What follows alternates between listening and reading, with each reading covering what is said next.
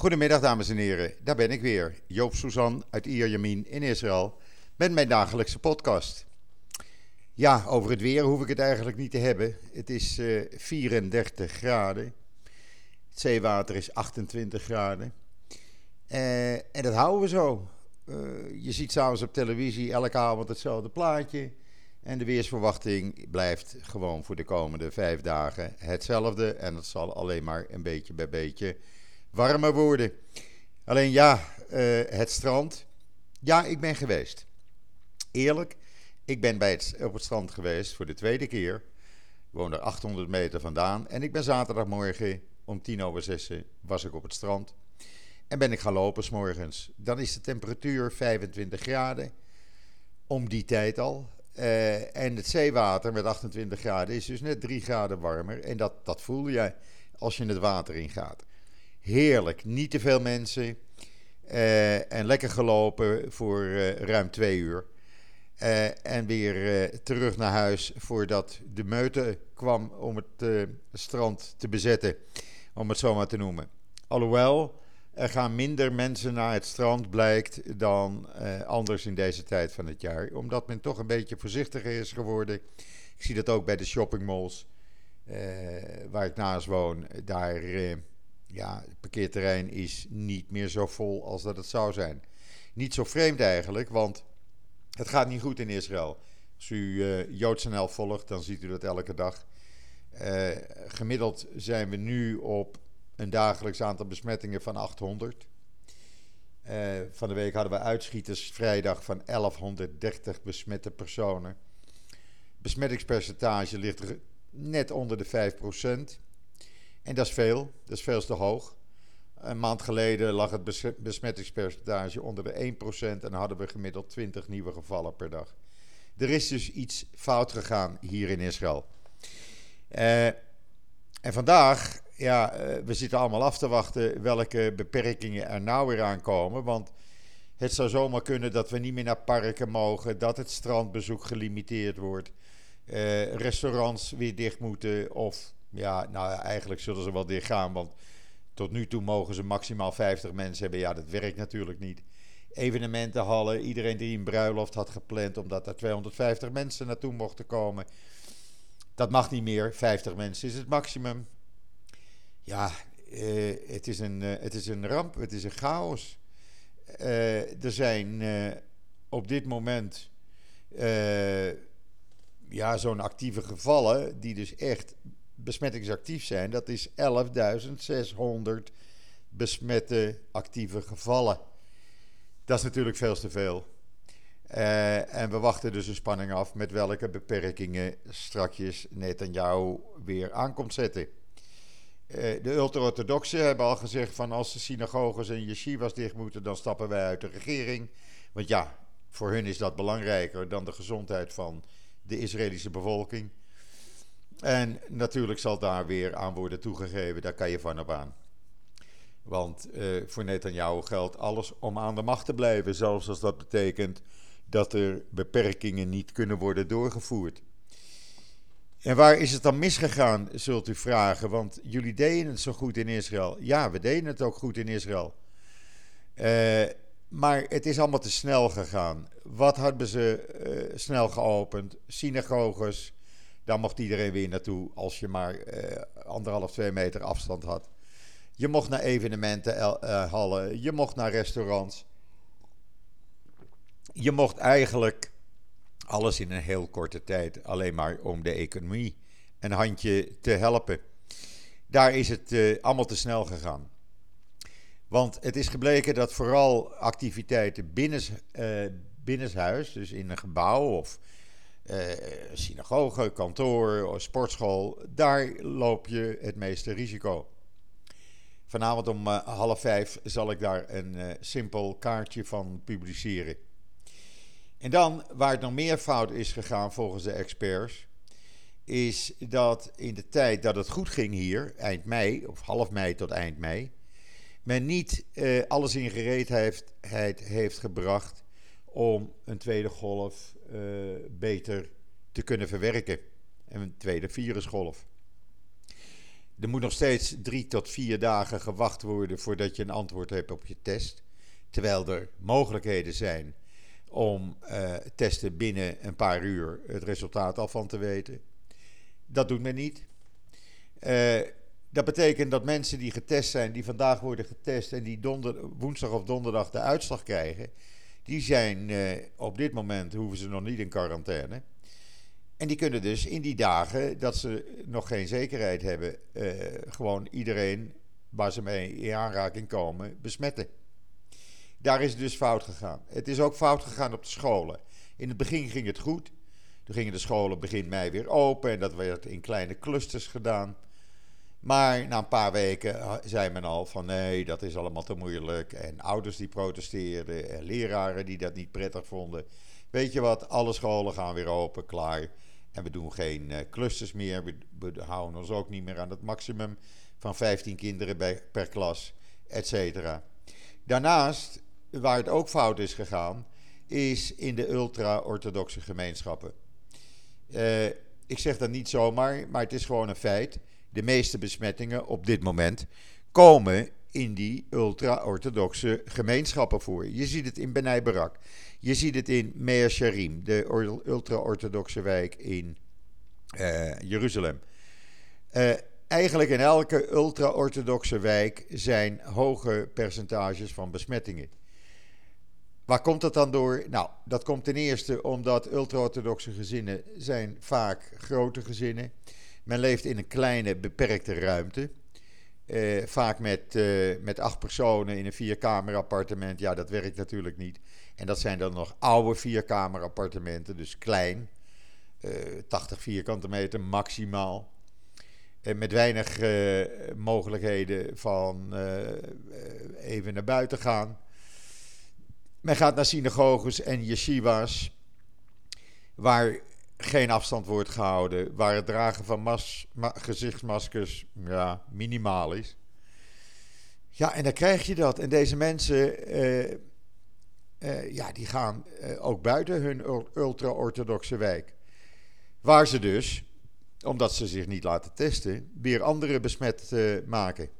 En zo ja, verspreidt zich dus door het hele land. Je ziet het ook in de Arabische gemeenschappen. Dat zijn net zulke gesloten gemeenschappen. En ook daar eh, is het percentage besmettingen vele malen hoger dan in de rest van Israël. En dan een derde groep, dat zijn de jongeren. Die denken van, ach, ik ben jong en gezond en uh, vrijheid, blijheid. Die gaan naar clubs, die gaan naar uh, discotheken, uh, bezweet, geen masker, dicht op elkaar, kussen, handen schudden, noem maar op, aanraken. Ja, ook die zijn een besmettingshaard. Dus het is allemaal terug te voeren naar die paar groepen. En dat is jammer. Het was zo goed onder de knie hier. En alleen maar uit economisch oogpunt is het nu uh, allemaal te snel gegaan en gaat het totaal fout. Wat je ook ziet, pratend over de economie, er zijn nog steeds ruim 800.000 mensen werkloos. En er zullen wel meer werklozen bijkomen. Want nu het aantal besmettingen zo oploopt, uh, ja, men werkt alweer thuis. Dat uh, mensen die terug waren op het werk, wordt nu weer geadviseerd thuis te werken. Het overheidspersoneel, 30% is verplicht thuis te werken. Maar mensen gaan ook niet meer naar, uh, naar de mall. Ze gaan niet meer naar een restaurant. Want het risico wat je loopt is te groot geworden betekent dat het een visieuze cirkel is geworden. Er wordt minder uitgegeven. En daardoor krijgen winkels het weer slechter, de toeleveringsbedrijven uh, krijgen het weer slechter, et cetera, et cetera. De enigen die het nog goed doen, maar dat is overal ter wereld, dat zijn de uh, supermarkten. En gisteravond zag ik een item op het uh, televisiejournaal dat er weer gehamsterd wordt, omdat men bang is dat ja, er of vandaag of in de komende dagen of weken toch weer sprake is van een volledige lockdown. Daarnaast eh, maakt men zich erg veel zorgen over het feit dat eh, hier in Israël kon, konden mensen die dat wilden voor drie maanden hun betaling aan hypotheek opschorten. Dat heeft, hebben tienduizenden mensen gedaan, maar dat loopt af eind deze maand. En dan moet men hypotheek gaan betalen. En dat gaat vaak, vaak om duizenden shekels. En als je dan werkloos bent en van een minimumuitkering moet, uh, moet zien rond te komen, ja, dan uh, gaat dat grote problemen geven. Dus de economie in Israël, die moet zich voorbereiden op een grote economische terugslag, hoe erg dat ook is, maar het is de realiteit. En je kan niet zo zeggen van, ach, het zal wel meevallen, want nee, het valt niet mee. Maar men realiseert zich dat bij de overheid totaal niet. Men strooit met geld, met toezeggingen. Terwijl uit onderzoek gisteravond bleek, het staat ook op JoodsNL nu vanmorgen, ik heb daar een artikel over geschreven, dat van de 100 uh, miljard shekel die vrij was gemaakt om aan zelfstandigen te geven, aan bedrijven te geven, daarvan heeft slechts 65% van de mensen die een aanvraag hebben ingediend, na twee, drie maanden een uitkering gehad, eenmalig. Ja, dat kan natuurlijk niet. Die overige 35% die hebben helemaal niks gehad. Uh, over uh, een week of drie, vier loopt uh, de tweede verlenging af van de extra werkloosheidsuitkeringen die mensen kregen als ze met onbetaald verlof werden gestuurd. Dat is een keer verlengd op het laatste moment, een dag voordat het afliep. Maar iedereen heeft er een hard hoofd in of dat nog een keer verlengd gaat worden. Vergeet niet, we hebben ook geen budget. Dus je kan wel geld uitgeven, maar dat geld moet ergens vandaan komen. En als bedrijven minder omzetten en als mensen minder verdienen, komt er ook minder belasting binnen. Dus hoe men dat nou doet, is voor iedereen de grote vraag. Als uh, op tv daarna gevraagd wordt, krijg je allerlei ontwijkende antwoorden. Van nee, we hebben dat geld en nee, dat zit wel goed en we hebben dat allemaal eh, keurig eh, berekend. Maar het zit helemaal niet goed en men doet maar wat. En dat vind ik nou zo jammer het feit dat je, dat je geen echt uh, systeem hebt ontwikkeld, laat ik het zo maar zeggen. Uh, maar ja, hoe dat verder moet, uh, niemand die het weet. We wachten af. Het zal vanavond alweer een persconferentie worden, denk ik, van jou. Rond 8 uur, half negen. Mogelijk dat het ook eerder bekend is. Maar dat er beperkingen komen, ja. Misschien mag je maar een bepaalde uren nog naar het strand. Misschien worden parken weer gesloten, de nationale parken waar iedereen gek op is. Misschien uh, uh, moeten alle restaurants en bars en cafés weer dicht. Niemand die het weet, maar dat er wat aan zit te komen, ja, dat hoor je aan alle kanten. En als je de geluiden hoort, dan. Het is nog net geen lockdown, maar we zitten er niet ver vanaf.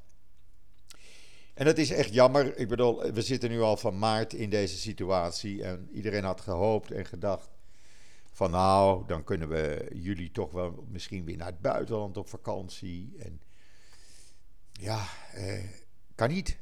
Vergeet het maar. Ik denk zelfs dat er op 1 augustus de grenzen nog niet open gaan als het blijft zoals het nu is. Want eh, de grenzen zijn nog steeds dicht van het land. Maar met zoveel besmettingen, ja, dat blijft maar doorgaan. Elke dag eh, weer zoveel besmettingen. En het rare is, de meeste besmettingen zijn bij jongeren. En die zijn ja, hebben een milde besmettingsgraad, niet echt ernstig. Er zijn 333 personen op dit moment liggen in het ziekenhuis, waarvan een 30, 32 tal aan de beademing. Er zijn 92 mensen die in kritieke toestand uh, zijn. En er, zijn, er is weer iemand overleden. Er zijn nu 322 mensen aan het virus overleden. Dat er zo weinig overlijden is alleen maar te danken aan het feit dat men experimenten gebruikt met medicijnen die nog niet goedgekeurd zijn, maar waardoor je wel mensen in het leven houdt. En dat is, uh, ja, dat is de situatie op dit moment in Israël. Ik weet uh, en ik verbaas me daarover hoe goed het in Nederland gaat. En uh, dan denk ik van ja, hoe is dat in vredesnaam mogelijk met een land waar ruim 6100 mensen overleden? Waar geen monddoekjes buiten hoeven worden, te hoeven worden gedragen. Waar je alleen het openbaar vervoer een monddoekje hebt. Waar iedereen toch een beetje normaal zijn leven kan leiden. Maar hier, ja, hier kan je dat niet. Ik ben vanmorgen, dat moet ik wel zeggen, voor het eerst naar mijn kapper gegaan. Uh, ik had gisteren gebeld. Ik zeg: luister, ik wil komen, maar ik wil je eerste klant zijn. Ja, dat kan. En wil je dan weer uh, door je uh, Lisa geholpen worden? Natuurlijk wil ik door Lisa geholpen worden, want dat is mijn vaste kapster, is een Engelse vrouw.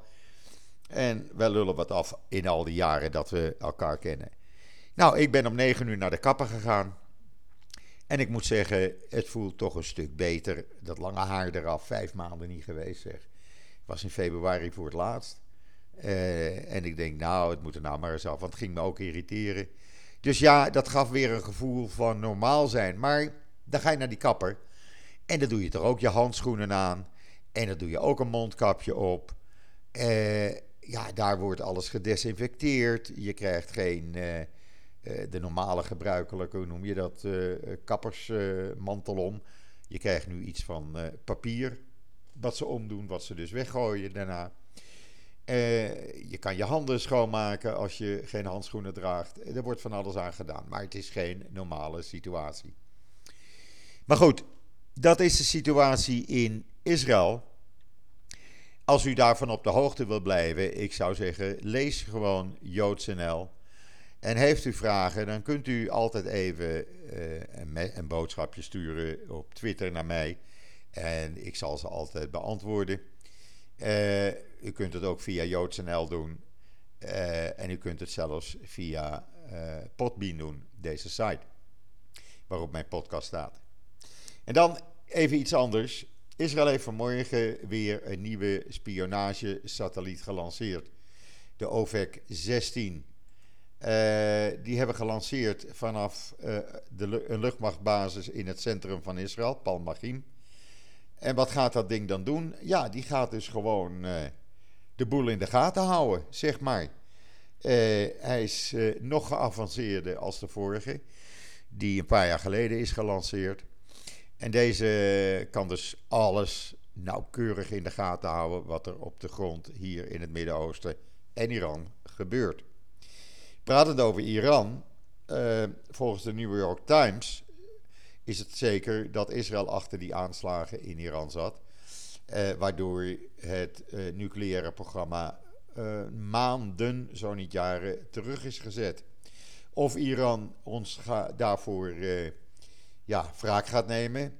Ja, niemand die het weet, dat, uh, dat eh, weet alleen de Ayatollahs, zullen we maar zeggen. Maar Israël heeft wel alle maatregelen genomen, de IDF, om voorbereid te zijn op een mogelijke vergeldingsactie.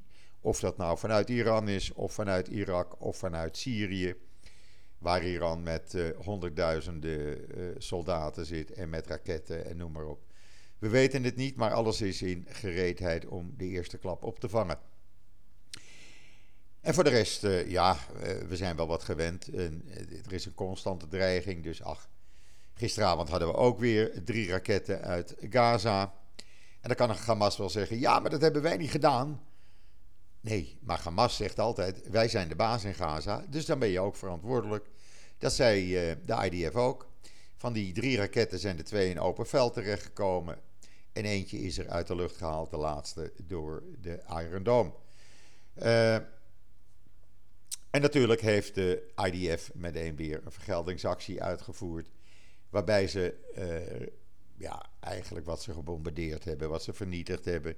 Dat zijn dan gebouwen, observatiecentrum, waar op, dit moment, op dat moment niemand aanwezig was. Dus er zijn ook geen uh, doden of gewonden gevallen. Uh, maar ja, de rust is er nog niet. En waarom doen ze dat, die terroristengroepen uit Gaza? Gewoon omdat ze, ja, ze hebben nu weer het verhaal van, ja, maar jullie met je annexatie, nou, er is nog niks geannexeerd. Dus daar hoef je ook nog niet uh, te gaan uh, schieten met raketten. Maar ze hebben gewoon niks te doen. Uh, ze vervelen zich schijnbaar.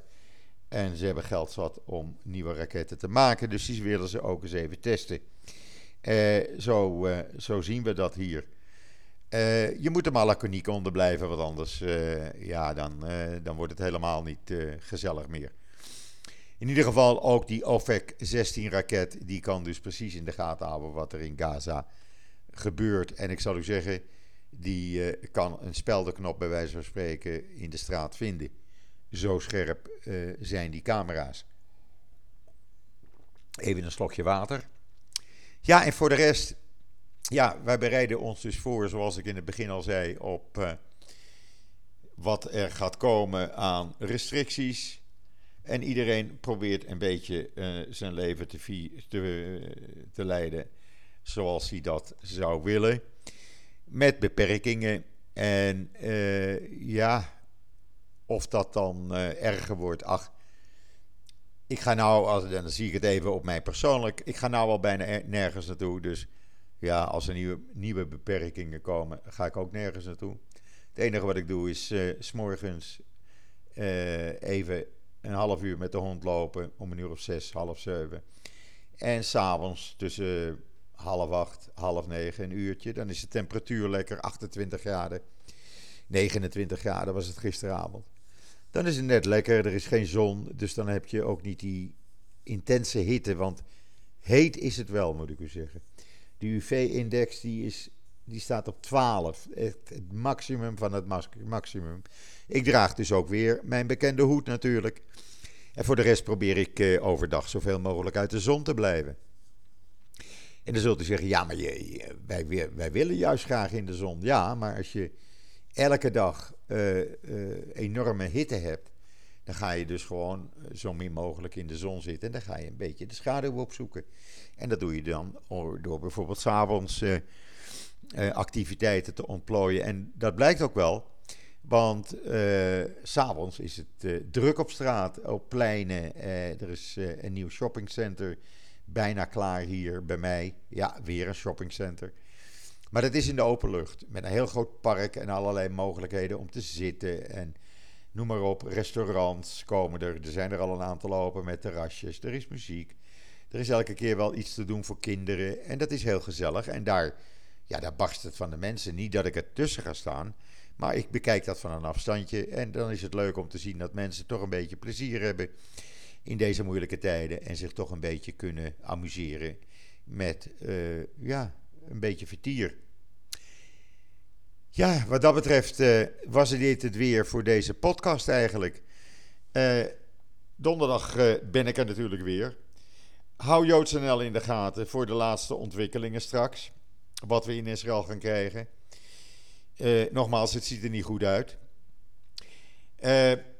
En uh, ja, wat mij betreft wens ik u allemaal nog een hele fijne voortzetting van deze maandag, de 6 juli alweer.